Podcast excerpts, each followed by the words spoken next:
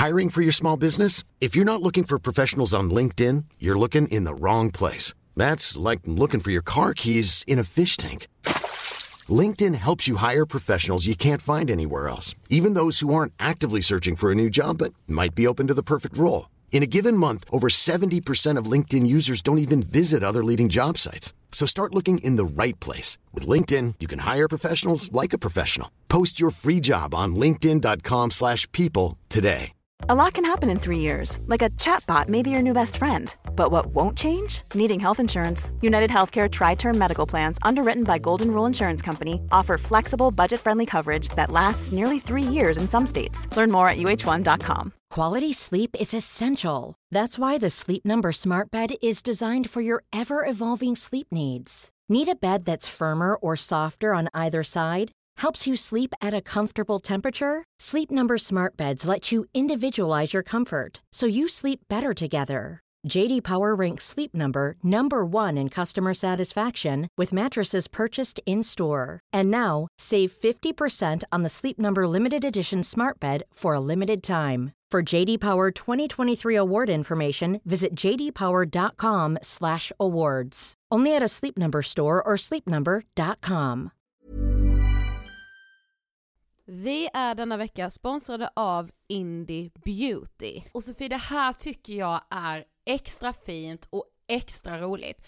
Ja men Indie Beauty är ju ett skönhetsvarumärke som jag tror att väldigt många känner till, men det jag älskar mest det är att Indie Beauty liksom vill vara mer än bara produkter, vilket de ju också är. Exakt. Indie Beauty står ju för Independent Beauty, skönhet på dina villkor och för din egen skull.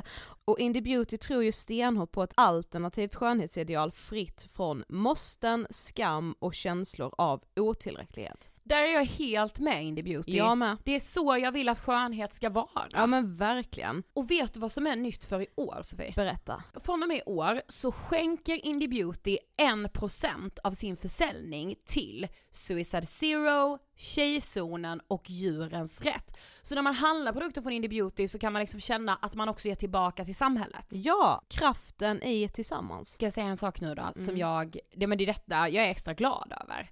Nu har Indie Beauty tagit fram en keps och den tycker jag ändå så på sommaren, skydda sig från solen. Jättebra, jag älskar kepsen. Men det bästa, de bidrar till Suicide Zeros viktiga arbete för att minska antalet självmord och självmordsförsök. Så för varje såld keps så går hela vinsten, 100 kronor, direkt till Suicide Zero. Då kan man liksom göra nytta både för samhället och sin hud på en och samma gång. Ja, och kepsen kostar 169 men alltså hela vinsten går då som sagt till Suicide Zero. Så om man vill göra skillnad när man är där ute i solen, nu när den börjar titta fram, då ska man välja den här kepsen. Den säljs exklusivt på indiebeauty.se och på Apotea. Tillsammans kan vi skapa en ljusare framtid. Vi ses med kepsarna på! Tack Indie Beauty. Hej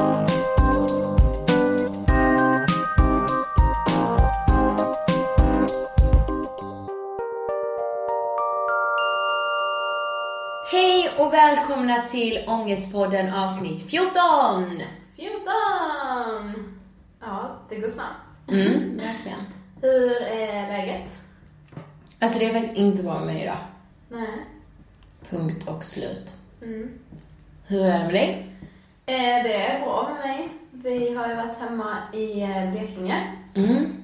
Så det har varit skönt att träffa familj och vänner och få lite så positiv energi. Det är alltid skönt att bli lite omhändertagen, ompysslad. Ja men jag mår bra för att, ja, att vi har en bra gäst den här veckan i alla fall. Ja, det har vi verkligen. Eh, den här veckans ämne och nästa veckas ämne är anorexia. Mm. Och eh, gästen vi har med oss idag heter Elinor Åkesson. Och ni ska snart få höra intervjun med henne. Eh, jag och Sofie var verkligen så här. Men det var vi ju. Vi, vi bara tänkte så här. Vi kan anorexia. Mm, Ja, man tror det ja. Ja, man tror, ni tror det. Ni kan ingenting. Alltså ni ska bara höra.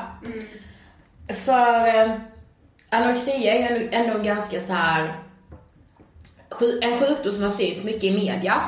Den har fått mycket utrymme och det känns som att sen man ganska många år tillbaka har vetat så här, anorexia är någon som svälter sig. Mm, precis. Kort och gott. Det är som så. så här står det på Vårdguiden när man söker på anorexi. Anorexi är en ätstörning som innebär att man bantar så kraftigt att man svälter sig själv. Man tycker att man är tjock även om man väger mindre än andra. Man är mycket rädd för att gå upp i vikt och tänker ständigt på vad man ska, ska eller inte ska äta. Det är ju typ det man tänker först när man hör ordet Mm. anorexi liksom. Det är så Ja. mycket mer än bara det. Precis. Eh, och alltså jag måste bara säga, jag är så imponerad av Elinor. Ja, verkligen jag också. Nej men alltså hon, är, hon, hon var så stark och alltså mötet med henne så här, ja men det gav mig så mycket energi. Alltså jag blev så inspirerad av henne. Mm, verkligen jag också. Och hon, eh, det kommer ni höra, men hon berättar liksom om allting på ett väldigt förstående sätt. Mm, absolut. Alltså, det var enklare att förstå. Men det kommer bli två avsnitt av det här. Som sagt. Ja. För vi har, eh, eftersom vi själva har en, inte har någon relation alls med någon form av ätstörning, så har vi gjort väldigt mycket research, vi har läst böcker och sådär. Så det kommer ett avsnitt till. ja. Men nu eh, rullar vi, som vi säger. Aha. Intervjun med Elinor Åkesson.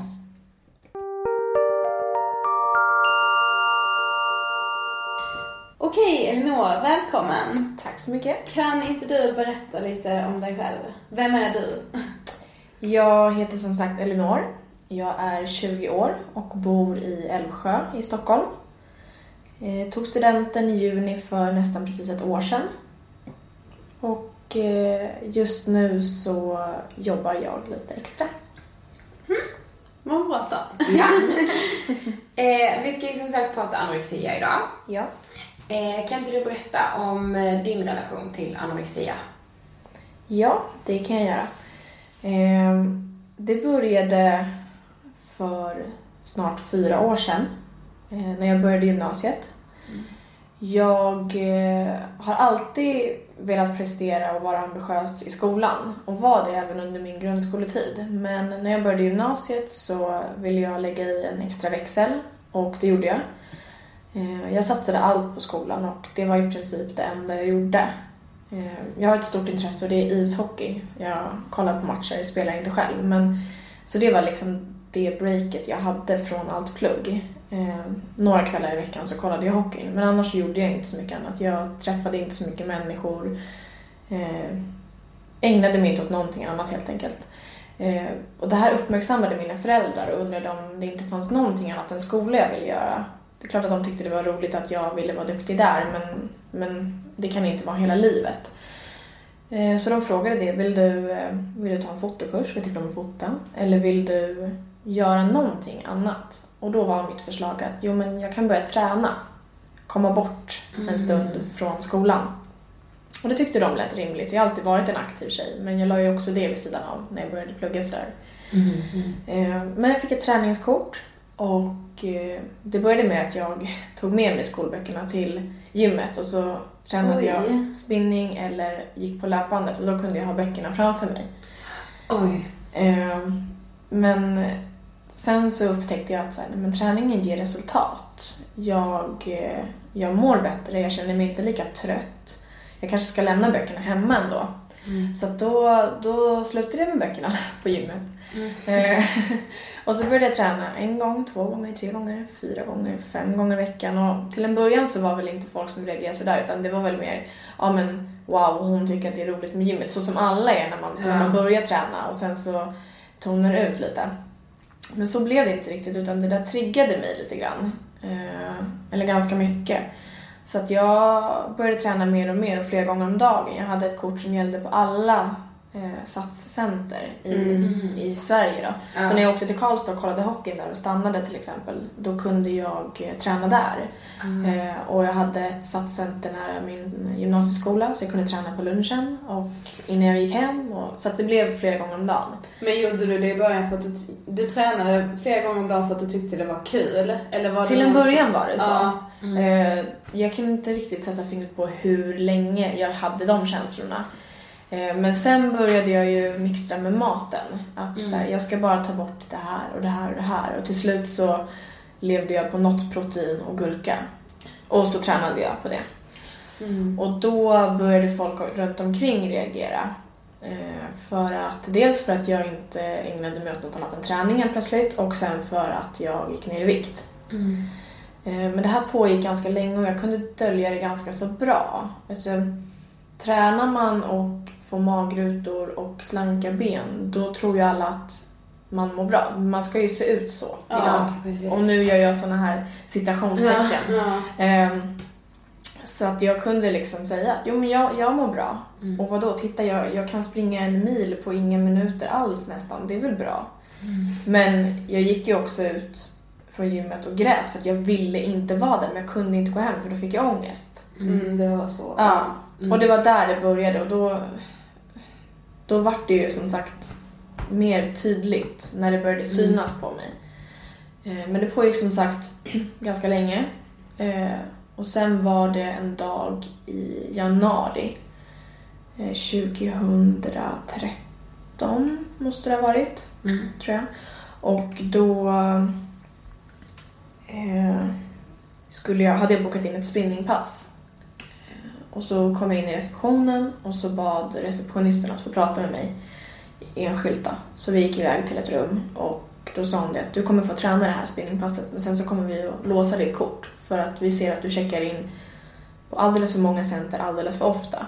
Och jag hade blivit varnad förut, alltså jag hade blivit varnad att så här, nu har du varit här för många gånger och sen var det flera personliga tränare som hade kommit fram och sagt så att om du liksom tar hjälp av oss så kan vi hjälpa dig att träna på rätt sätt. Ja. För att vi ser att det går åt fel håll. Mm. Och jag var så här, men vad då? Jag tränar ju, jag mår bra. Fast jag visste ju att ena dagen orkade jag lyfta så här mycket.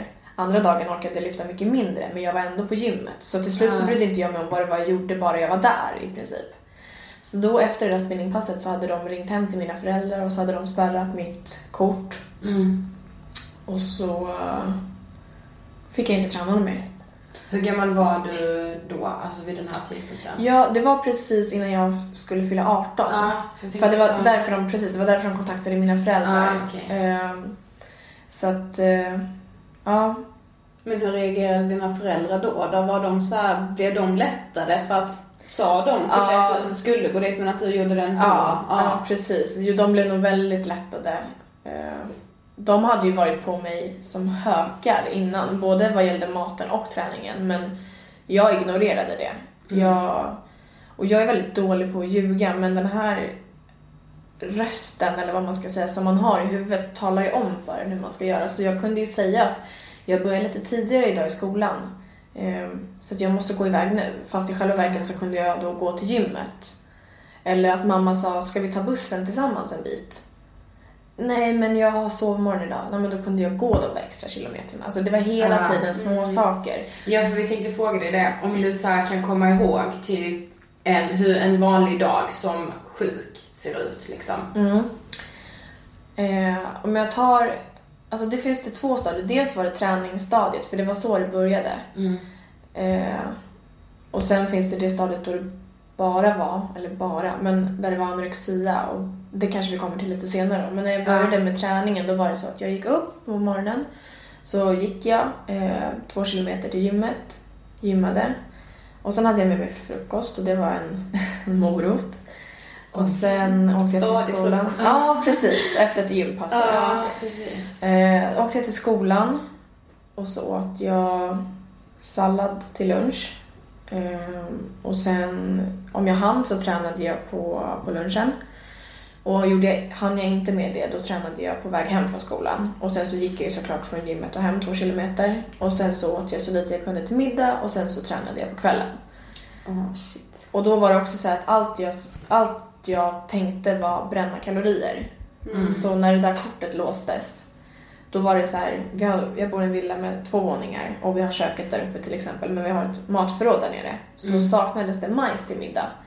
Och vem som helst annars hade sagt så här, och jag orkar inte gå ner och hämta det, eller mamma kan du hämta det, eller Mm. men jag var så här, jag kan.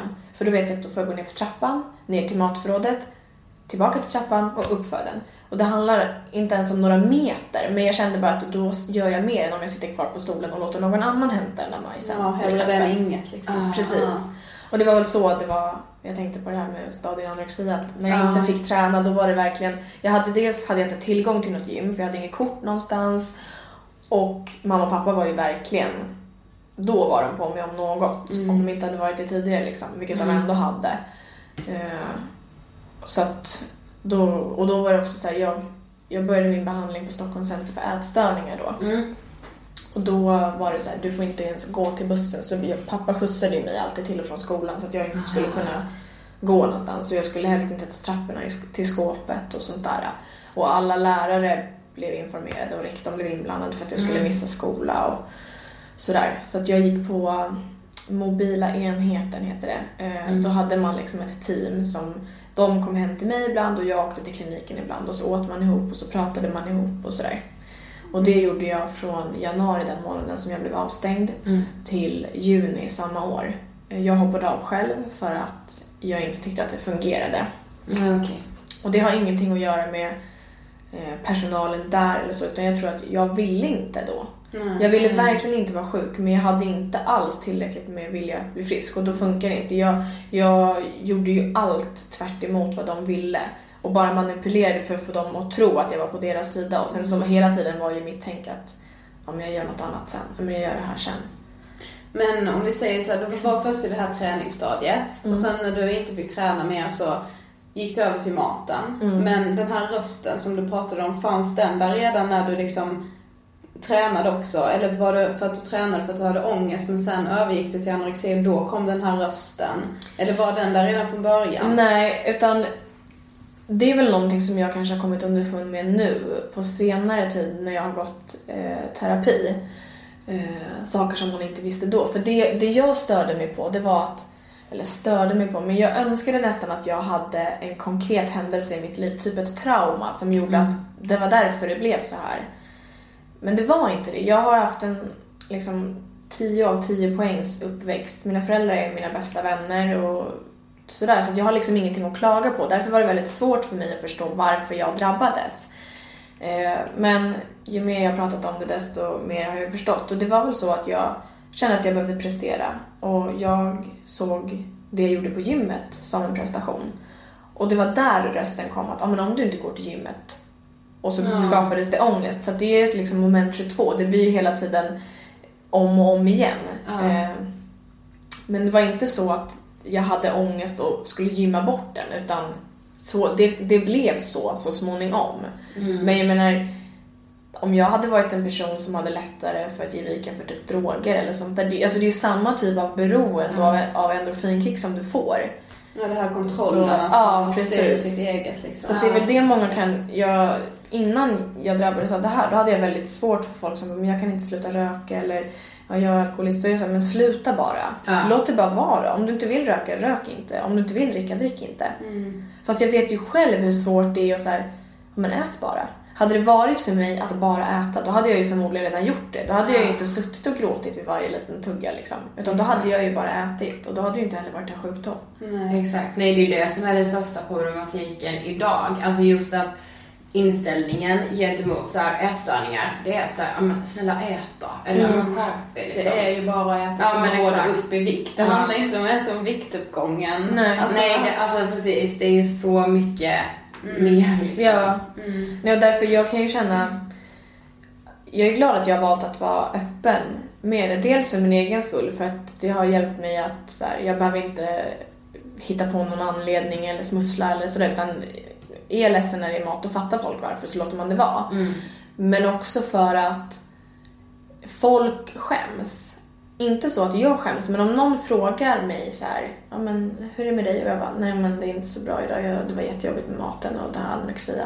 Då tycker de att det är Mm, jobbigt för att mm. man pratar inte om det. Exakt. Och då blir det som att, ja men då gömmer man ju det här och så gör man det till en ful sjukdom. Som Mm. att så här, ja men det är en överklasssjukdom till exempel, har många påstått. För att Mm. vi har mat och vi är rika i det här landet och Mm. då ändå tackar man nej. Och barn som inte har mat, de svälter. Och det är självklart jättesorgligt. Men jag har inte valt det här. Nej. Jag, alltså fick jag, fick jag välja så skulle jag ju aldrig välja det här. Nej. Och det är klart att man kan jämföra på så sätt. Men Fast ändå inte nej. nej, för Nej. de har ju, det går ju inte för dem att göra så. Men jag har ju många gånger tänkt så här, ah, okej, okay, det finns folk som, som skulle liksom kunna gå över lik för att få lite ris. Och här sitter jag och gråter för att jag ska få äta ris. Mm. Men det är inte något som jag tycker är jättekul. Liksom. Så att man får väl se till vad det är och se Exakt. till sig själv. Liksom. Men var du öppen tidigt? Var du så att du ville prata om det snabbt eller kom du underfund med det efter ett tag? Att men det kanske är bättre om jag är öppen? Mm, nej, det gick nog ganska fort men det var mest för att alla andra märkte att jag var sjuk innan jag gjorde det.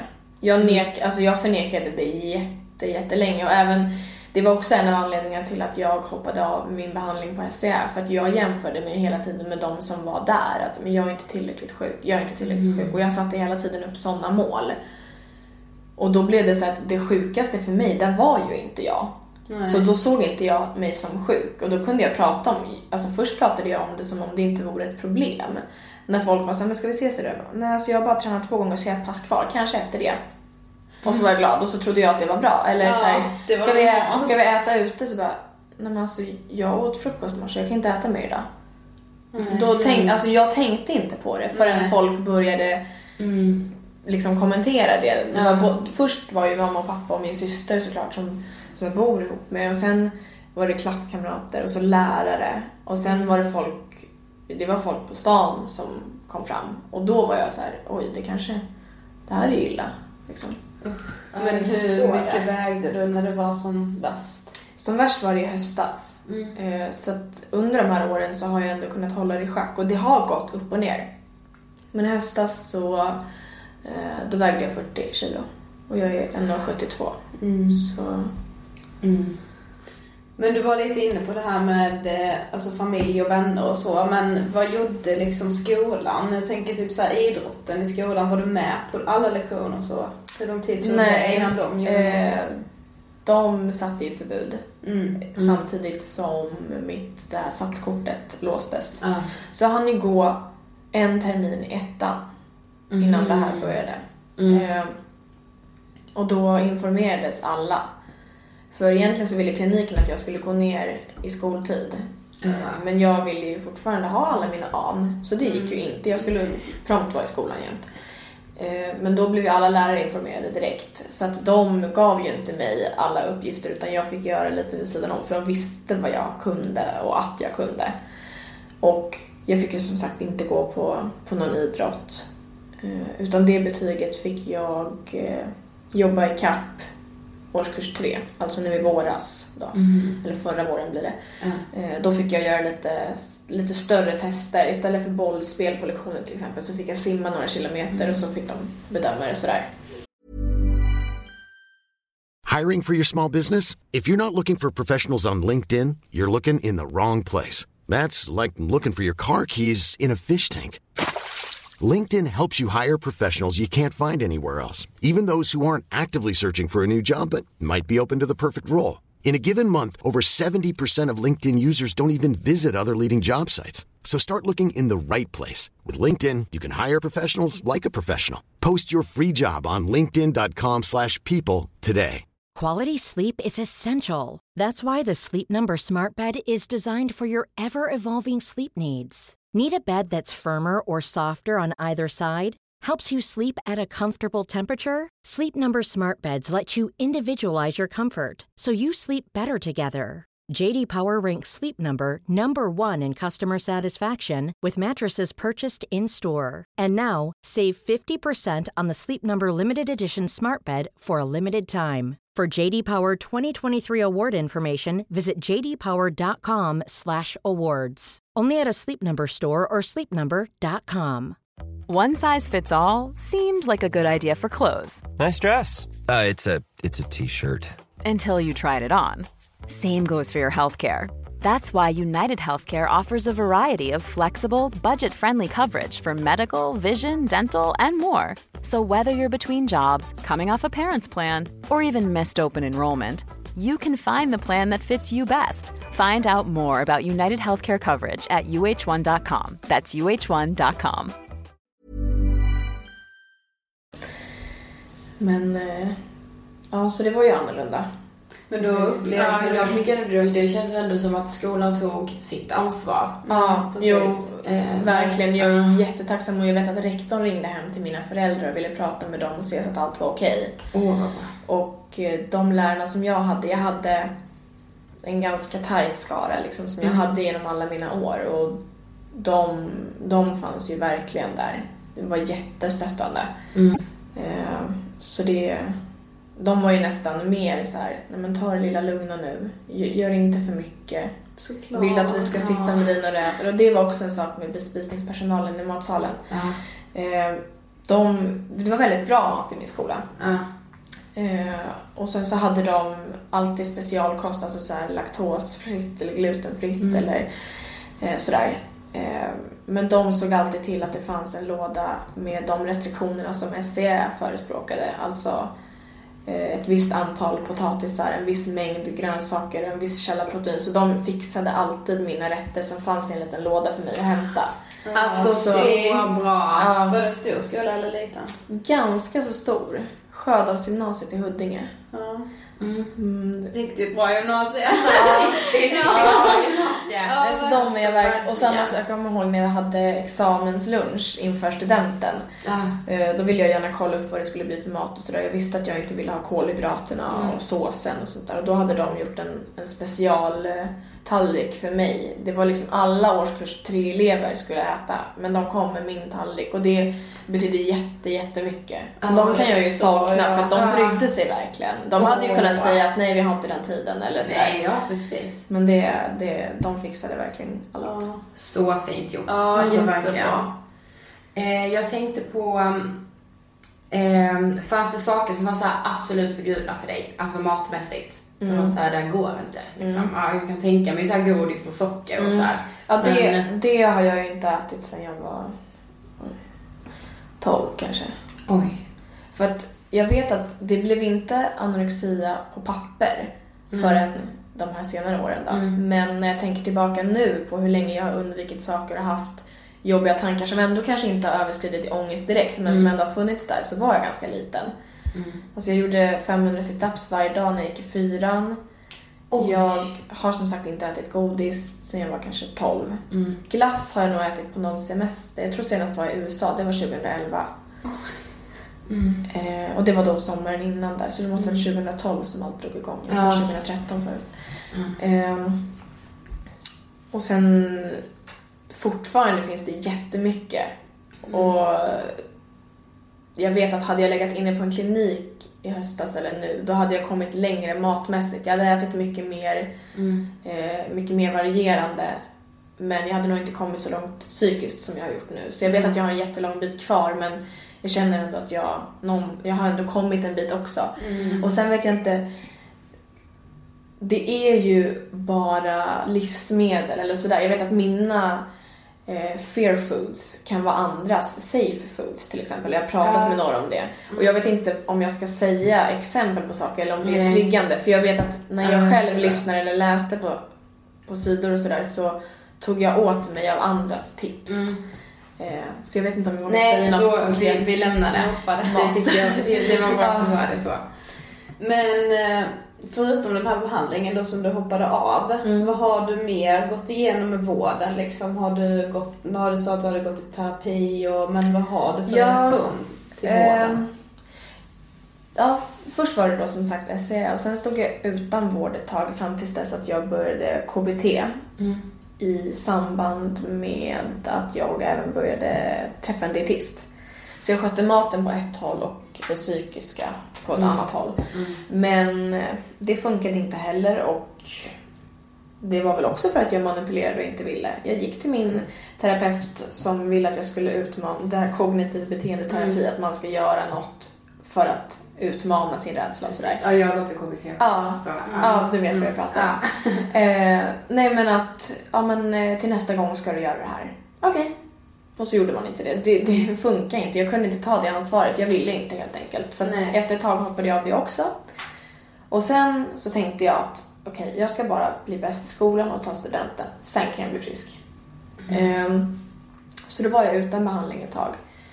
Och sen så i somras så började det gå ut för igen. Och då så sa mamma och pappa att de hade hittat en klinik i Mora. Som, då fick man en egen lägenhet, en privat behandlare, man fick vara med och laga lite mat, vara med och bestämma lite. Och jag bara, ja men det kan jag göra. Och så tänkte jag så då kan jag fuska. Och så, jag var fortfarande inte där liksom. I huvudet. Men så skrev jag i alla fall min signatur på ett papper. Vilket betyder att de har mitt samtycke för att göra det här. Så jag skickade iväg den där. Mora kliniken sa, vi har en lägenhet till dig, du är välkommen. Men Stockholms läns landsting sa i september att budgeten för det här året är slut. Vi har inga pengar till att skicka dig. Nej. Och då blev jag så här, jag hade inte mött vården på något dåligt sätt innan. Men jag kände, och jag kände, tog egentligen inte det personligt. För jag kände bara så här, okej, september, oktober, november, december och budgeten är slut nu. Mm. Okej, jag har ändå en bra familj som kommer hjälpa mig oavsett. Men tänk de som inte har det. Eller tänk de som är ännu sjukare än jag. Eller tänk de, det var hela tiden Mm, tänk liksom de så som har tagit det steget och, och alltså, tagit tag i det här själva. Ja. Och bara, men okej nu, jag, jag skriver under det här pappret, jag vill Det var lite så jag så kände, för- man den bak. Ja, men för det var lite så jag kände att jag var ändå lite taggad på det här. Jag skrev Mm. ändå mitt papper på att flytta till en annan stad för att ändå kämpa liksom. Ja. Och jag visste att man blir hemskickad om man inte gör snabba resultat för de vill att man ska bli bra och det går inte om man inte själv vill. Så jag kände ändå att det finns där. Och sen så möttes jag då av en läkare som skulle väga mig på, på SCA. Och så, det var då jag vägde 40 kilo. Och så tog vi hjärtat och pulsen och sådär och så sa han det att ja det är ju lågt men du ser ju ändå rätt pigg ut. För jag hade liksom sminkat mig och så. Och då blev det så här, okej, jag kan ändå bli sämre. Jag, alltså jag kan gå ner mer. Jag kan må mycket sämre. Så att då, i augusti, september där, det var då jag började ännu mer så här, en gång för alla bara, nu ska jag bli sjuk som fan så att folk kan hjälpa mig. Alltså typ så. Ja, nu var mer på det. Fast folk hade ju velat hjälpa mig innan och jag Ja. inte hade velat ta emot den. Men så kände jag så här, när jag väl vill ta emot den, då finns det ingen Nej, där. precis. Och då blev jag kontaktad av Capio Anorexicenter i Sollentuna. Mm. Och eh, var på en rundvisning där för de sa direkt att du ska ha en lägenhet. Och det var på en måndag och på onsdagen så sa de att, eller jag var där på en måndag och de sa på onsdag har vi en lägenhet till dig. Du får packa det här och det här och det här, du får inte ha med det här och det här och det här. Och det här är det som gäller. Och så satt jag där, mamma var med mig. Eh, och så sa hon, frågade hon hur det kändes och så. Jag ville verkligen inte vara där. Jag ville kämpa men jag ville inte vara där. För jag vet att det var heldygnsvård. Alltså jag skulle bo i en lägenhet utan att träffa några. Eh, annat än de patienter som var där. Jag skulle inte få liksom ha kontakt med dem, vilka jag ville när jag ville. Och det kändes bara som, mer som ett fängelse typ. Och jag vet att alla inte alls uppfattar det så, men jag gjorde det och jag ville inte. Men vad var det du inte fick ta med dig till exempel? Var det så mobil, dator? Jag fick ta med mig mobilen men jag fick inte ha den i så fall alla tider. Och sen så fick man inte ha med sig typ smink och sådana där grejer. Och det var in, inte för det, alltså den ytliga sakens skull som jag brydde mig, för det gör jag inte. Jag tycker att det är kul att sminka mig till exempel. Ja. Men sen under min sjukdomsperiod så har det räddat mig lite för det har gjort att så här, jag har kunnat, ibland när jag har gått hemma själv så har jag sminkat mig för att när jag går förbi spegeln så ser jag ändå någonting annat än liksom, alltså det är ju, det har hjälpt mig. Och då menar inte jag att oj, jag ska sminka mig snyggt utan bara jag ska sminka mig så att jag ser lite levande ut. Så.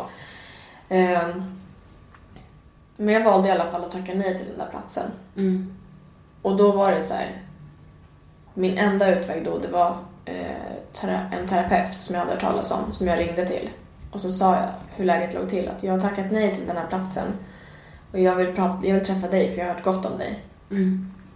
Och så fick hon höra min vikt och så fick hon höra min historia.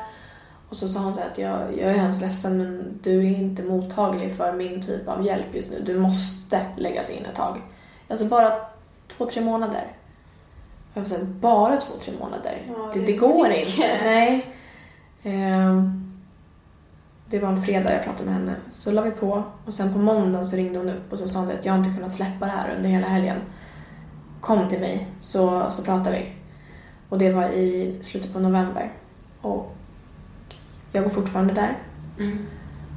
Ehm, och jag tror inte att jag skulle ha varit där jag är idag om det inte var för henne.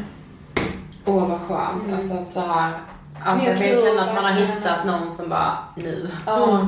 För det handlar ju om vad det är för tankar man har i huvudet. Ja. Det är det som är grunden till Mm, allting. precis. Sen Jag får tror man att det liksom var- ta maten sen. Ja, jo men precis. Jag tror att det var en kombination för mig att samtidigt som jag hade lite vilja, på riktigt vilja och inte bara sa det, att jag träffade henne, att det skedde samtidigt. Det hade ju kunnat vara att jag träffade henne men absolut inte ville. Eller att jag verkligen ville men inte träffa henne. Utan nu var det en kombination och då, då gick det. För hon är inte, hon är absolut inte elak. Men hon är inte så här, jo men kom igen, var duktig. Utan det är mer så här, ja du kan ju skippa middagen men... Och då, då, det får mig att tänka. Att så här, nej det kan jag verkligen inte, nu ska jag gå och äta. Ja. Och så gör jag det. Ja. Och det handlar inte om att åh, jag vill vara duktig för henne utan jag känner liksom att jag, när jag pratar om mig så känner jag så här, fan, jag har ju gjort någonting. Mm. Liksom. Så att eh, det har hjälpt mig jättemycket och sen har jag hört från två andra tjejer som har följt mig på sociala medier ett tag som har skrivit till mig som jag inte känner men som har skrivit och sagt att så här, vi har följt dig och sådär. Och sen undrar vi, är det den här terapeuten? För jag har gått hos henne och jag är frisk idag. Eller jag går hos henne och jag mår mycket bättre. Ja. Så det är ett bevis på att hon, Ja. hon kan sin grej. Ja.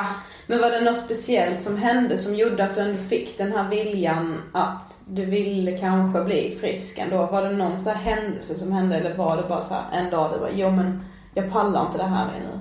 Jag, det finns ju något annat liv att Mm. leva. Eh, ja, det var väl... Eh, alltså, mamma och pappa var ju väldigt ledsna. Och först, det, först var de ju, när det var träningsproven så, var de mer frustrerade för att jag inte lyssnade. För att jag hela tiden gjorde tvärt emot och var, agerade som att jag var tre år och trots åldern liksom. Eh, men sen blev de ju mer ledsna och det var när eh, men, alltså när jag skulle gå och sova och mamma kommer för att säga godnatt. Och så bryter hon upp på sängkanten och inte vill att jag ska dö ifrån henne som hon sa. Eller pappa som jag typ aldrig sett gråta i mitt liv. Det är inte så att han inte är känslosam men han gråter sällan. Han grät för att han liksom, han bara, jag, jag ser på dig, det här är inte du. Och sen min, min syster då som är, vi är jättenära varandra, hon skulle flytta ett år till USA och plugga. Och när vi sa hejdå på flygplatsen innan det här med Mora och det, då så sa hon att så här, när vi ses i sommar, tills dess så vet du vad du ska göra. Och det var lite för mig så här, ja, jag kan inte lämna de här. För att jag hade jag hade tankar på att jag inte ville leva mer.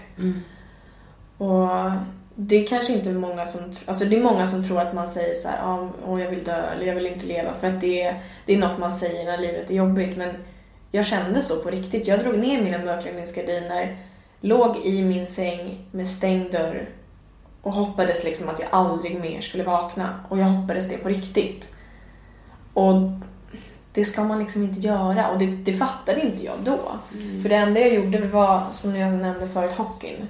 Jag har sagt så här att hockeyn har räddat mitt liv och det, det har den gjort för mig. Dels under träningen för att jag tillät mig aldrig att missa en match. Hur mycket jag ville träna så skulle jag aldrig missa en, att se en hockeymatch. Ehm, och sen så nu i höstas så även om jag inte träffade någon, även om jag inte pratade med någon, även om jag inte ens tillät mamma och pappa att knacka på för att kolla så att jag var okej i mitt rum så kunde jag kolla mitt hockeylag när de spelade. Så att där har jag ändå haft någonting. Och det är väl, det är väl kanske lite det som är teck, alltså att hockeyn blir en metafor för att jag fattar ju att jag inte vill ge upp på riktigt. För att hade jag verkligen, verkligen, verkligen, då hade jag förmodligen gjort det. Ja. Det finns ju sätt. Det finns ju liksom tillvägagångssätt snabbt om det skulle vara så. Men någonting har ju hållit mig kvar. Det är jag ju glad för nu, för nu kan Ja, jag blicka vilken tillbaka. Ja. Ehm, avslutningsvis, ehm, har du något så här tips till antingen till någon som är sjuk eller till anhöriga? Till någon som är sjuk, om man har upptäckt det, så skulle jag säga fuska inte. Och jag tror att den som är sjuk förstår precis vad jag menar. Det är så att blir man tillsagd att göra något eller ombedd att göra något och känner att jag vill inte göra det för att jag känner mig tjock eller jag vill inte göra det för att det är onyttigt eller jag vill inte göra det för att jag får ångest. Då vet man att då är det ju av fel anledning. Då ska du göra precis tvärt emot. Alltså går du och slänger din mat istället, går du och springer en mil efter varje måltid, det kommer bara ta så jävla mycket längre tid. Och det är det det har gjort för mig. Hade jag bara gjort så som jag har gjort nu, från början, då hade jag kanske aldrig behövt genomlida fyra år av skiten. Utan då hade det gått över Mm. så. Mm. Och till anhöriga så tror jag att det är viktigt att de också söker hjälp. Jag tror att det är viktigt att de har någon att prata med. Mm. Och att, som jag har sagt till mamma och pappa, att de är inte några dåliga föräldrar. Det handlar inte om att man är en dålig vän eller partner eller förälder. Det handlar om att, för jag tror inte man kan förstå. Och det är just det, det handlar om att man inte har tillräckligt med förståelse. Så sök hjälp du. Mm. Att prata med någon eller träffa någon. För att jag tror inte man kan göra det på egen hand. Och hur mycket en närstående än kämpar så kan den personen aldrig bli frisk åt den som är sjuk. Det måste ju den bli själv. Mm. Åh, vilket bra tips. Ja. Alltså jag blir så imponerad av dig du är så himla stark. Så. Ja. Tack. Eh, tusen tack för att du ville vara med oss. Tack själva för att jag fick vara med. Självklart. Ja. Hoppas att ni har lite mer insikt i anorexian. Det har jag i alla fall. Ja, jag också. Men det har vi nu. Allihopa har vi det.